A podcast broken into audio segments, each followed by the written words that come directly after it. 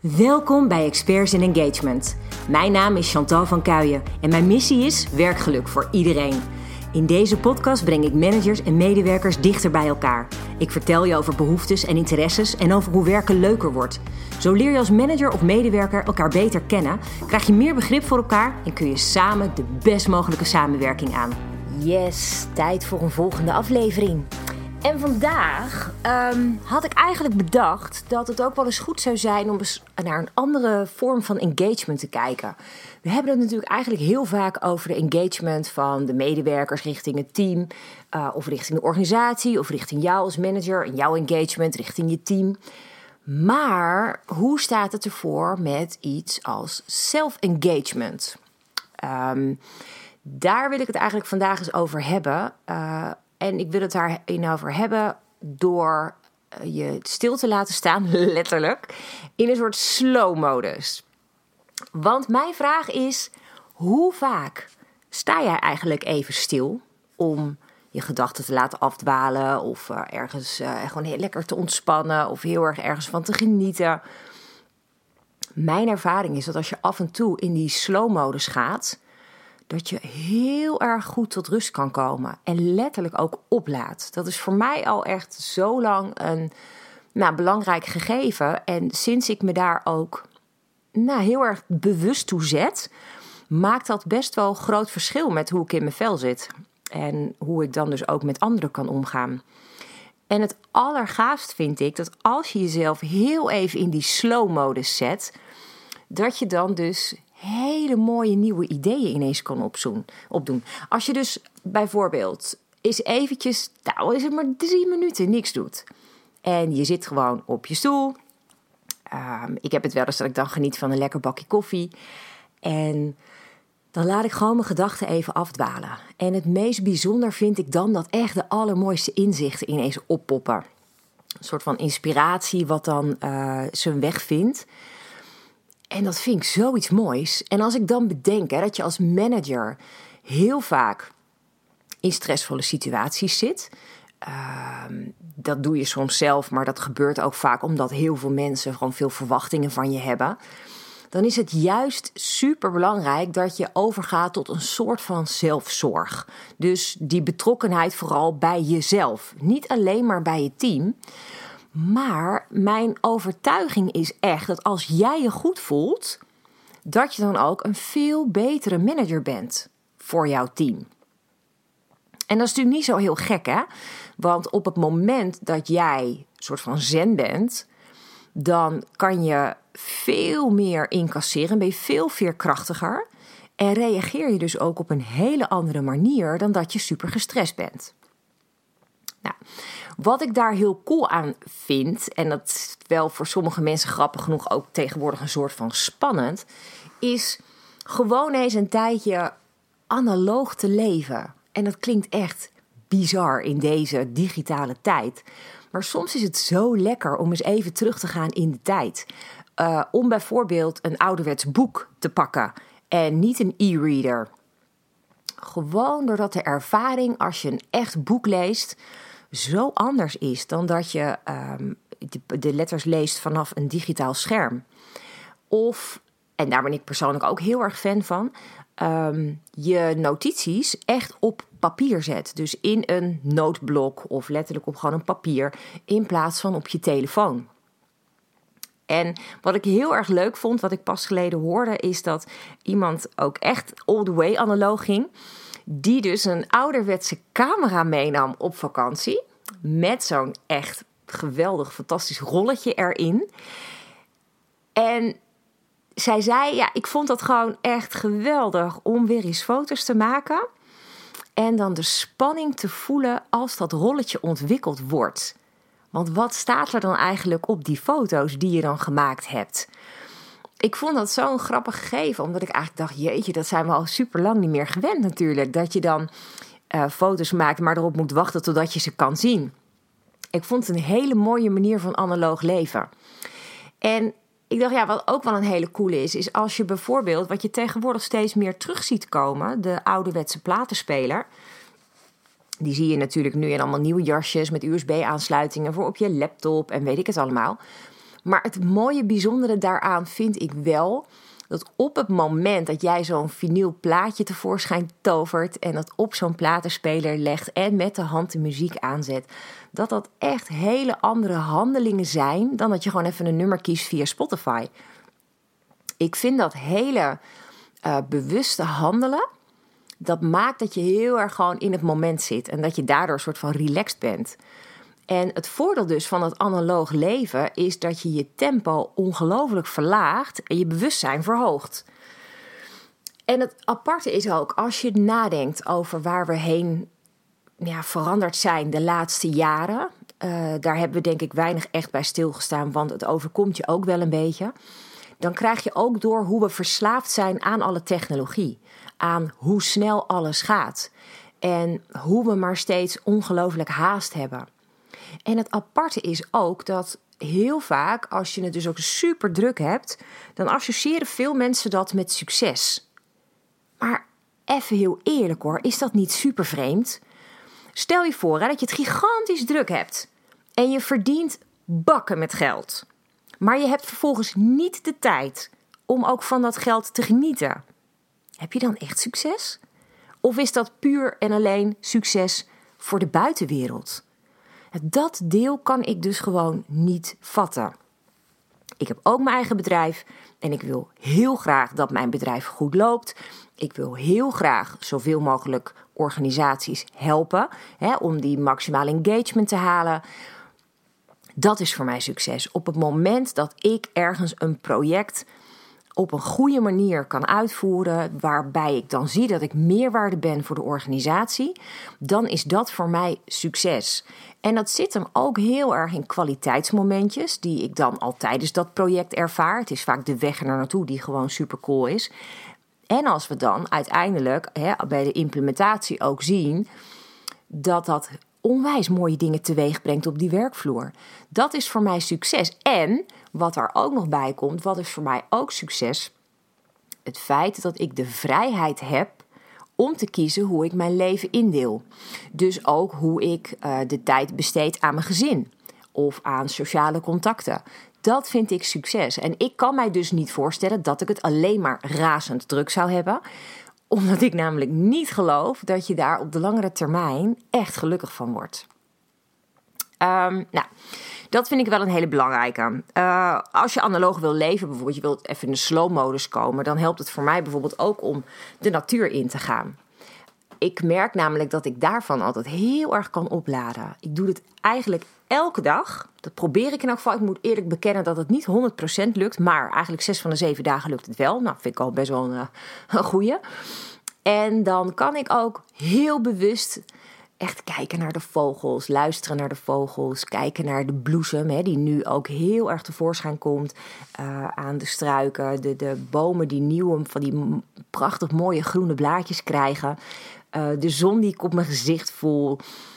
Dat wandelen, dat doet echt wonderen. En wat ik um, daar heel mooi aan vind, is dat je dan ook even helemaal teruggeworpen bent op jezelf. Dat vinden heel veel mensen tegenwoordig super spannend. Hè? Stel je voor dat je gewoon even niet afgeleid bent door alles wat je mobiel te brengen heeft. Stel je voor dat je gewoon eventjes op jezelf aangewezen bent.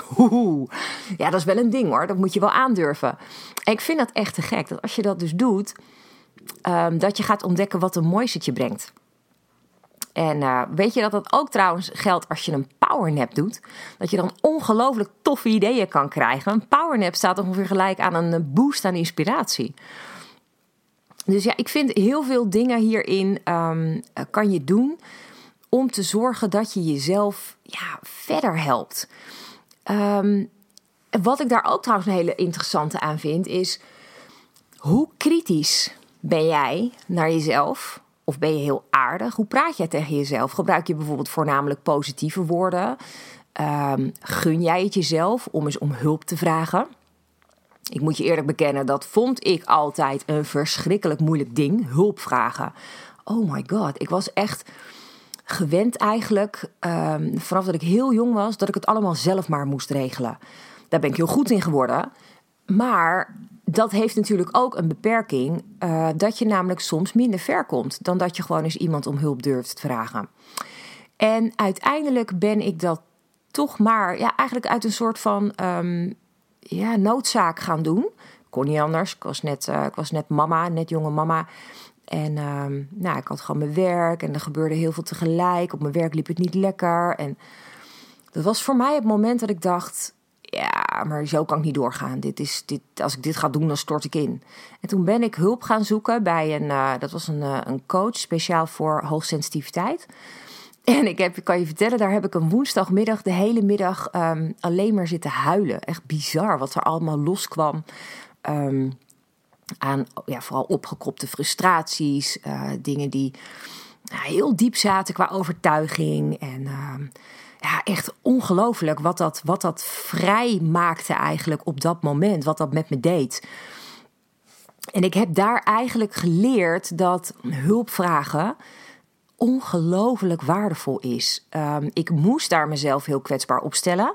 Nou, dat was nog zoiets wat ik ook ongelooflijk moeilijk vond, omdat ik dacht dat kwetsbaar inderdaad een soort van zwakte was.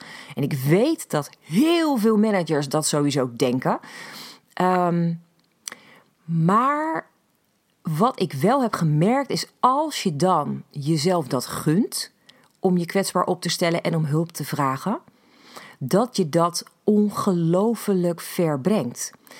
En het allermooiste is dat ik pas ontdekte dat je eigenlijk alleen maar ook echt vol succesvol kunt zijn als jij in staat bent om te ontvangen.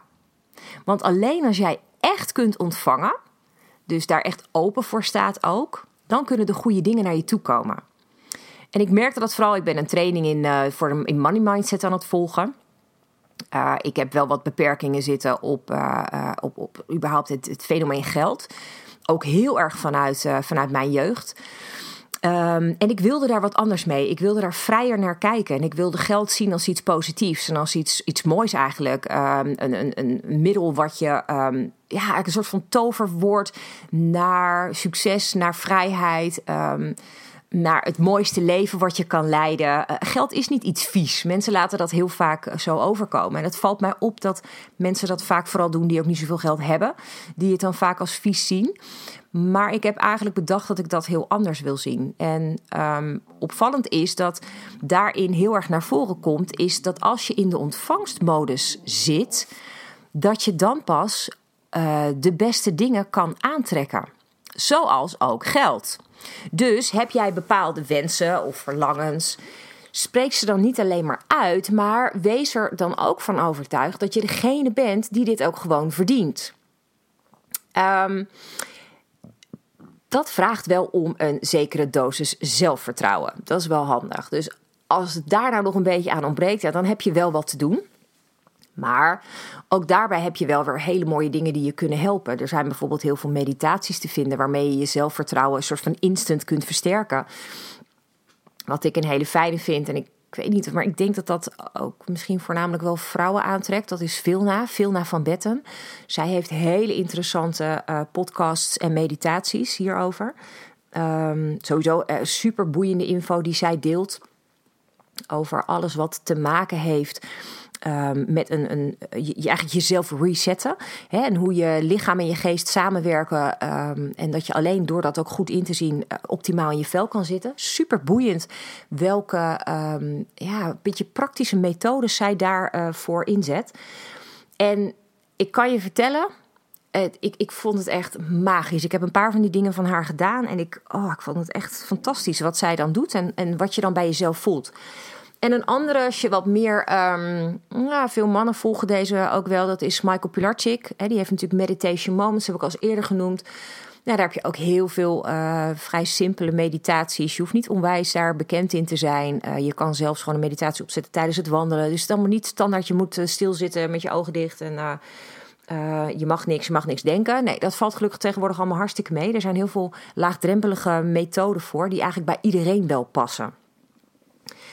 Wat ik in elk geval wil zeggen, is dat als je even kiest voor die slow-modus, dat je daarmee heel goed voor jezelf zorgt. En daarmee ook voor je team.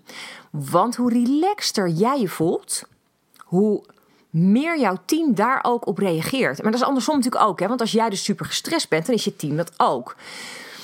Ik geloof er oprecht in dat je het goede voorbeeld geeft door het zelf even rustiger aan te doen. Ehm, en ja, heel eerlijk, die idioot gehaaste maatschappij waar we in leven, die is volgens mij voor niemand goed. Je hebt daardoor echt nooit echt focus. Want je moet altijd snel weer door. Ik vond in die zin uh, de hele coronaperiode ook wel een soort van zegen. Um, want het heeft ons ook wel tot een bepaalde stilte gebracht. En dat vond ik vooral vorig jaar toen bij de eerste lockdown. Man, wat was dat bijzonder om dat eens te mogen ervaren. En eigenlijk ervaar je op dat moment ook hoe vervuild alles is qua drukte, qua geluid, qua licht. En ongelooflijk. En ik vond dat wel echt heel bijzonder om te ervaren dat als het dan echt eventjes heel stil is, wat dat met je doet. En dus ik doe vooral nu eigenlijk ook een oproep aan je. Neem eens de tijd om te, om te relaxen, echt te relaxen. En denk je dat je die tijd niet hebt, ja, kijk dan eens of je misschien bijvoorbeeld efficiënter kan, kan vergaderen. Eigenlijk kan alles wel korter, meer to the point. Um, of misschien heb je wel allemaal taken onder je liggen uh, waar je te veel controle over wilt hebben, maar dingen die je misschien prima kan delegeren, waardoor je dan ook meer tijd overhoudt voor echt goede dingen. Want als jij goed voor jezelf zorgt, dan kun je veel meer betekenen voor anderen. En dat is eigenlijk mijn kernboodschap van vandaag. Zorg goed voor jezelf, want daarmee zorg je ook goed voor anderen. Doe er iets moois mee, zou ik zeggen. Kijk eens kritisch naar je eigen leven. Bedenk eens even van, hé, hey, wat zou ik hierin kunnen doen? En nou, kijk eens of je dat gewoon eens een paar dagen zo kan volhouden. Of je, ze zeggen wel, je moet het dan eigenlijk 30 dagen volhouden. Hè? Want als je dat doet, dan wordt het een soort van ingesleten patroon. En dan um, nou, is dat een, een, een vaste nieuwe gewoonte. En ik denk dat het een ongelooflijk mooie, waardevolle gewoonte is. Dus die gun ik je echt van harte. Nou, dankjewel in ieder geval weer voor het luisteren. En uh, ja, tot snel.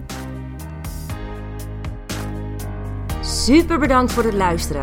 Te gek dat jij werkgeluk ook belangrijk vindt. Zo maken we samen de wereld wat mooier. Ik wil werkgeluk voor iedereen, dus ik zou het top vinden als je je abonneert op mijn podcast.